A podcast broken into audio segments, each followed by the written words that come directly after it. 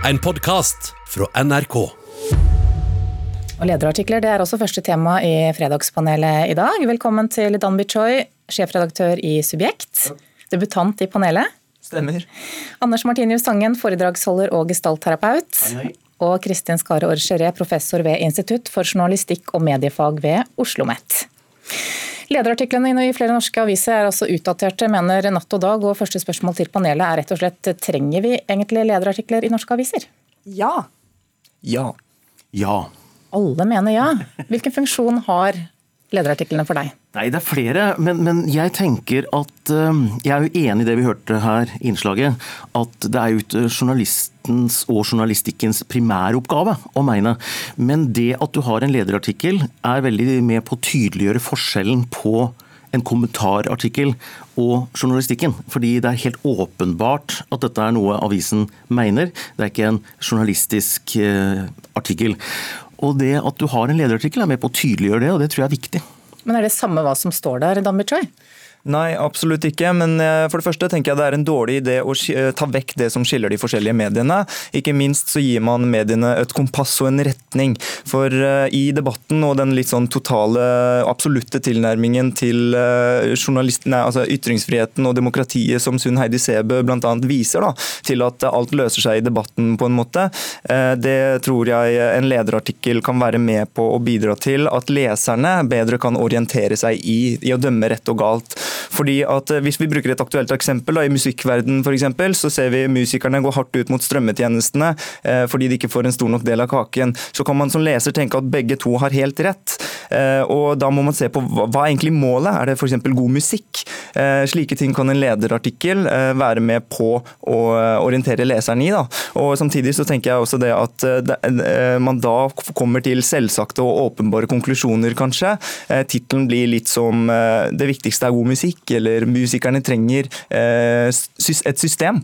Eh, men det er også veldig fint, fordi at vi, at vi ikke lar særinteressene eh, alene debattere på flatene, men at vi har en uavhengig institusjonell tyngde til pressens meninger. Da. Men Kristin Skarørs, vi kan vel gjøre oss opp vår egen mening, egentlig?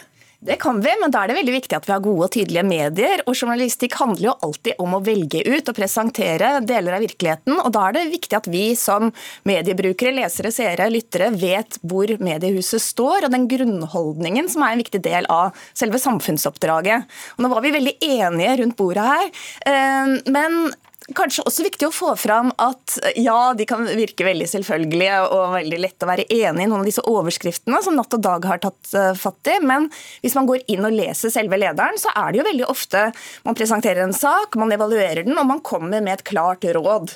Og så kan man jo tenke seg da, at Hvis du skal skrive en leder flere ganger i uka, så er det ikke alltid like lett å være inspirert og, og nytenkende, men da får vi heller godta at noen av lederne er litt selvfølgelige, uh, men at de viktige lederne, som faktisk da setter agenda, og ikke bare sier hva vi skal mene noe om, men kanskje enda viktigere eh, hvilke saker som skal være med å definere det offentlige ordskiftet. Og Det er det viktig at avisen er tydelig på. Og så er det en ting til, og det er klart at nå når uh, saker leses mer og mer som enkeltsaker på nettet, så i gamle dager så i papiravisen, og som noen av oss fremdeles liker, så har lederen sin uh, sitt spesielle sted, hvor man finner den, og man vet helt tydelig at det er lederen. Så det blir kanskje viktigere nå at mediene også signaliserer dette er meningsstoff, og dette er lederen, og at også nye lesegrupper må læres opp til en sjangerforståelse. Hva er en leder, hva er den historiske konteksten? Eh, lederne har jo vært viktige for, eh, ja, fra partipressens tid, og, og, har en veldig viktig funksjon fremdeles. Ja, så tenker jeg at uh, Ofte så henger det sammen med en karikaturtegning, mm. som jeg syns ofte er veldig treffende. Hvis du ser Roar Hagens tegninger i VG f.eks., så sier det mer enn tusen ord. og, og, og det er en ting, ja, ja, ikke sant? Og det er jo en ting som du egentlig ikke kan skrive i en artikkel som da skal presentere fakta. Og jeg syns jo, som du sier, ja det er kanskje litt selvfølgeligheter, og det er litt sånn nyanserte. Men jammen meg så er det mer enn nok i media som er superpolarisert og superkonstruert tydelig. Fordi at folk blir tvunget for å komme i Dagsnytt 18 til å mene ting sterkere enn det de egentlig gjør. Og at det da kommer en leder som sier ja, en spade, en spade er det, for av og til er spade kun en spade. Det er liksom ikke nødvendigvis en gravemaskin. Ja, og Det blir mindre selvbergende, og så ser man rett og slett på hva er saken. Hva er det vi egentlig ønsker, og hva er målet? Og eh, Hvis en leder kan bidra til å konkludere i en slik sak, hvor særinteressene debatterer mot hverandre, så tror jeg at man kan gi leseren veldig mye mer enn bare debatten, da, og, og belyse debatten. Okay, dere er så enige at jeg tror vi rett og, slett, rett og slett går videre.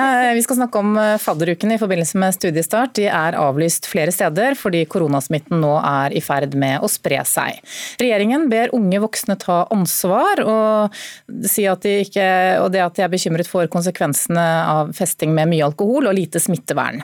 Student Julius Grasåsen ber om en beklagelse, og sier at ungdommen blir gjort til syndebukker, mens det egentlig er åpning av grensene som har ført til det at smittetallet øker, sier han. Så jeg føler det å, å legge all skylden over på ungdommen nå, er litt urettferdig med tanke på den importen jeg føler man har hatt av smitte, og man burde erkjenne det at den smitten kommer utenfra, da, og det er den ungdommen driver videre. Spørsmålet til panelet er selvfølgelig er det for enkelt å skylde på ungdommen? Ja, det er for enkelt. Um, ja. Ja. Oi, oi, oi. Ja, jeg kan svare nei. Ja, okay. da får du åpne. Ja, jeg har et veldig pluralistisk syn på dette. Begge to har rett. Både ungdommen og Bent Høie har helt rett i dette. Eh, og eh, vi trenger rett og slett en eh, leder. Og den ledertittelen kunne vært så åpenbar som 'Vi befinner oss midt i en pandemi'. Og det har Natt og Dag noe å skrive om også. Og fordi at Bent Høie Ja, det kan vi kanskje gjøre. Bent Høie har jo helt rett i, og det er hans fordømte plikt å å være så streng som han er. Og så er ikke ungdommer heller en veldig sårbar minoritet. Jeg tenker at eh, man drar eh, krenkelsesstreet litt langt når man føler seg truffet når man har vært pliktoppfyllende ungdom. Da. Det er heller de ungdommene som har festet for ikke eh, altså Nå vil jeg ikke rette en moral, moralsk pekefinger, men, men det stemmer jo det Bent Høie sier. Så selv om han også kunne vært bedre på å erkjenne sine feil, og at kanskje smitten ble importert, så betyr det ikke at vi skal spre den internt i Norge heller. Men det er vel litt det vi alltid gjør, å legge skylda på ungdommen, er det ikke det? Jo, så blir jo det ungdommen, som om det var en ungdom, en Bent Høie og en ungdom. Det blir jo litt for enkelt. Altså, Ungdommen er en veldig sammensatt gruppe. Unge voksne som en demografisk gruppe er like sammensatt som alle andre grupper. Og det er kloke og mindre kloke mennesker i den gruppen som i mange andre grupper. Men så er det jo så deilig når vi får eh, tilfredsstilt disse stereotype oppfatningene vi har, og kanskje særlig da når det ble eh, ressurssterk vestkantungdom i Oslo som fester mest, og som nå ødelegger alt det vi alle har bygget opp i dugnadsånden i mange måneder. Og da husker jeg, Det er ikke så lenge siden, så var det uh, også mediefortellinger om hvordan vestkantvillaforeldre leiet inn uh, vektere, private vektere når barna og ungdommen skal hjemme alenefester.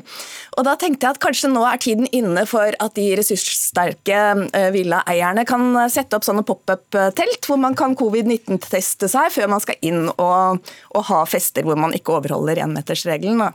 Men her handler det jo også veldig mye om altså Vi hører jo nesten sånn ekko av Sokrates hvor, hvor 2400 år siden, eller hva det var. Eh, det er veldig lett å si ungdommen nå til dags. og I går kom Folkehelseinstituttet med en anmodning om at de som tar kollektivtransport, kanskje kan gi plass til de som skal på skole og, og studiesteder.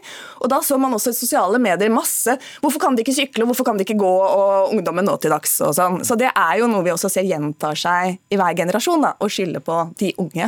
Mm. Ja, så er det jo sånn folkehelseperspektiv på dette her. Altså, jeg eh, har jo klienter som er unge.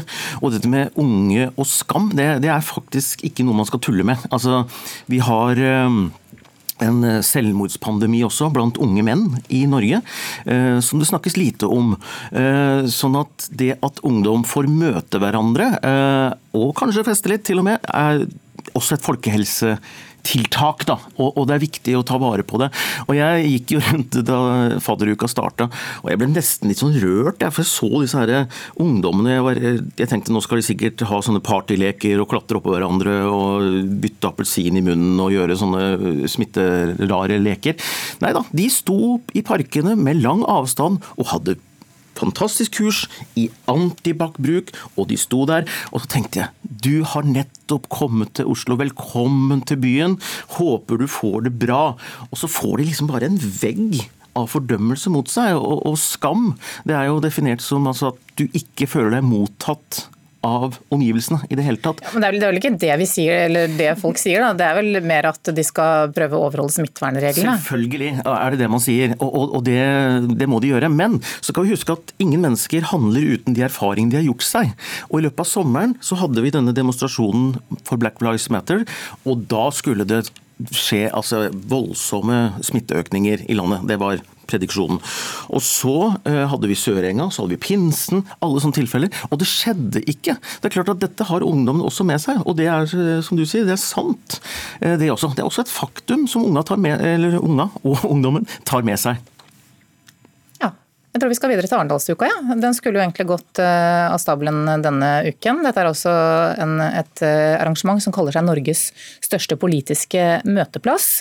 Arendalsuka fyller ti år neste år, og ifølge den tidligere lederen for hovedprogramkomiteen Øystein Djupedal, så har visjonen vært å bygge et demokratiets dansegulv for politikk, organisasjons- og næringsliv fritt tilgjengelig for alle.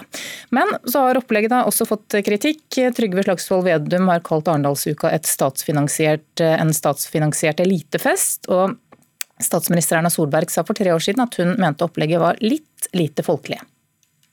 Det er jo morsomt med debatter og annet, men jeg føler kanskje at det er litt lite vanlige folk og litt mye organisasjoner og eh, annet. Ja, spørsmålet til panelet um, er om det er et tap for det norske folk at Arendalsuka er avlyst i år, Danby Choi? Nei. Ja. Ja. Ja, Da får du begynne igjen, da, Danvi. Ja, altså Jeg eh, svarer nei fordi at jeg legger til grunn at vi snakker om ett år. Men, eh, men jeg er litt mer kritisk til å fjerne Arendalsuka som helhet, så jeg tror vi er ganske enige. Jeg tenker at eh, det finnes vel en 200 festivaler i Norge bare om sommeren, så, og hvorfor ikke for politikerne? Og hvor de for øvrig også kan diskutere fag, og såpass premissleverende som de er til det offentlige ordskiftet osv., at de bygger en tverrpolitisk faglig eh, forankret Eh, eh, politikk da, som gjør at man ikke får et debattklima som i USA f.eks. At man utenfor dette studio kan se opposisjonspolitikere være venner og ha sånn høy, et høyt profesjonalitetsnivå. Det tror jeg kan komme fra arrangementer som eh, arrangeres på Arendalsuka. Mm, men Kristin Skarre, er dette en møteplass for vanlige folk? Eller er det? det er det ja. også. og Derfor ble jeg litt overrasket når jeg hører statsministeren si at det er bare organisasjonsfolk. For organisasjonsfolk er jo i stor grad vanlige folk. Nordmenn er i veldig stor grad organisasjonsfolk organisert. Eh, og vi ser jo i Arendalsuka at der er det alt fra eh, Jordmorforeningen til Pensjonistforbundet og alle avskygninger imellom. Og eh, et stort folkelig engasjement også. De siste årene har det vært diskusjon om kanskje det er for mange stands og for mange små, rare organisasjoner som har sine bord og løpesedler.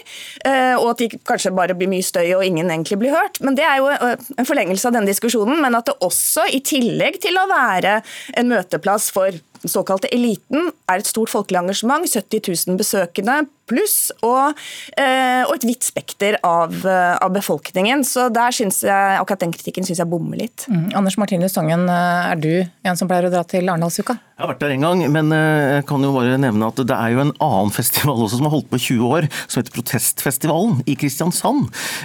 Og jeg har vært der som debattleder i mange år, og i år så skal jeg også lede en debatt om borgerlønn, meningen med livet og om kapitalisme med bl.a. Torbjørn Røe Isaksen. For den, er, for den er ikke avlyst? Nei, den er ikke avlyst. Og, og, og, nei, ikke sant. Den er litt mer usynlig, men, men, den har vart lenger enn Arendalsuka, og er litt mindre i format, selvfølgelig er den det. Men, men det viser jo da at det er faktisk et marked, for å kalle det det, for festivaler som tar både de store og de vanskelige debattene. Og denne kritikken mot Arendalsuka, at det er en for mye lobbyister og for mye si, påvirkning fra organisasjoner osv., det kommer jo opp fordi vi har Arendalsuka. Så Arendalsuka er også med på å tydeliggjøre samfunnsstrukturer. Eh, også at Trygve Slagsvold Vedum kaller det elite. Han tilhører jo eliten selv. Eh, og du er jo ikke automatisk elitist fordi du er politiker heller. Så dette er siste arven fra Tostrup-kjelleren og presseklubben, og den var viktig også, tror jeg.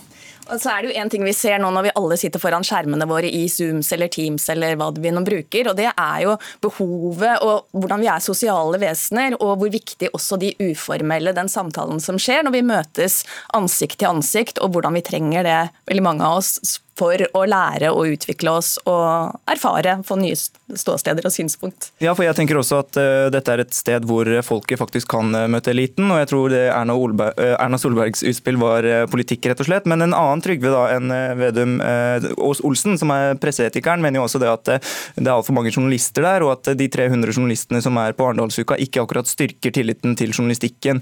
Og Det tenker jeg er et veldig viktig poeng, men da er det desto viktigere at journalister er der på, på journalistikkens vegne, og at man dekker Arendalsuka kritisk. Og Da mener jeg det ikke er noe problem. Da får vi se neste år hvordan det går.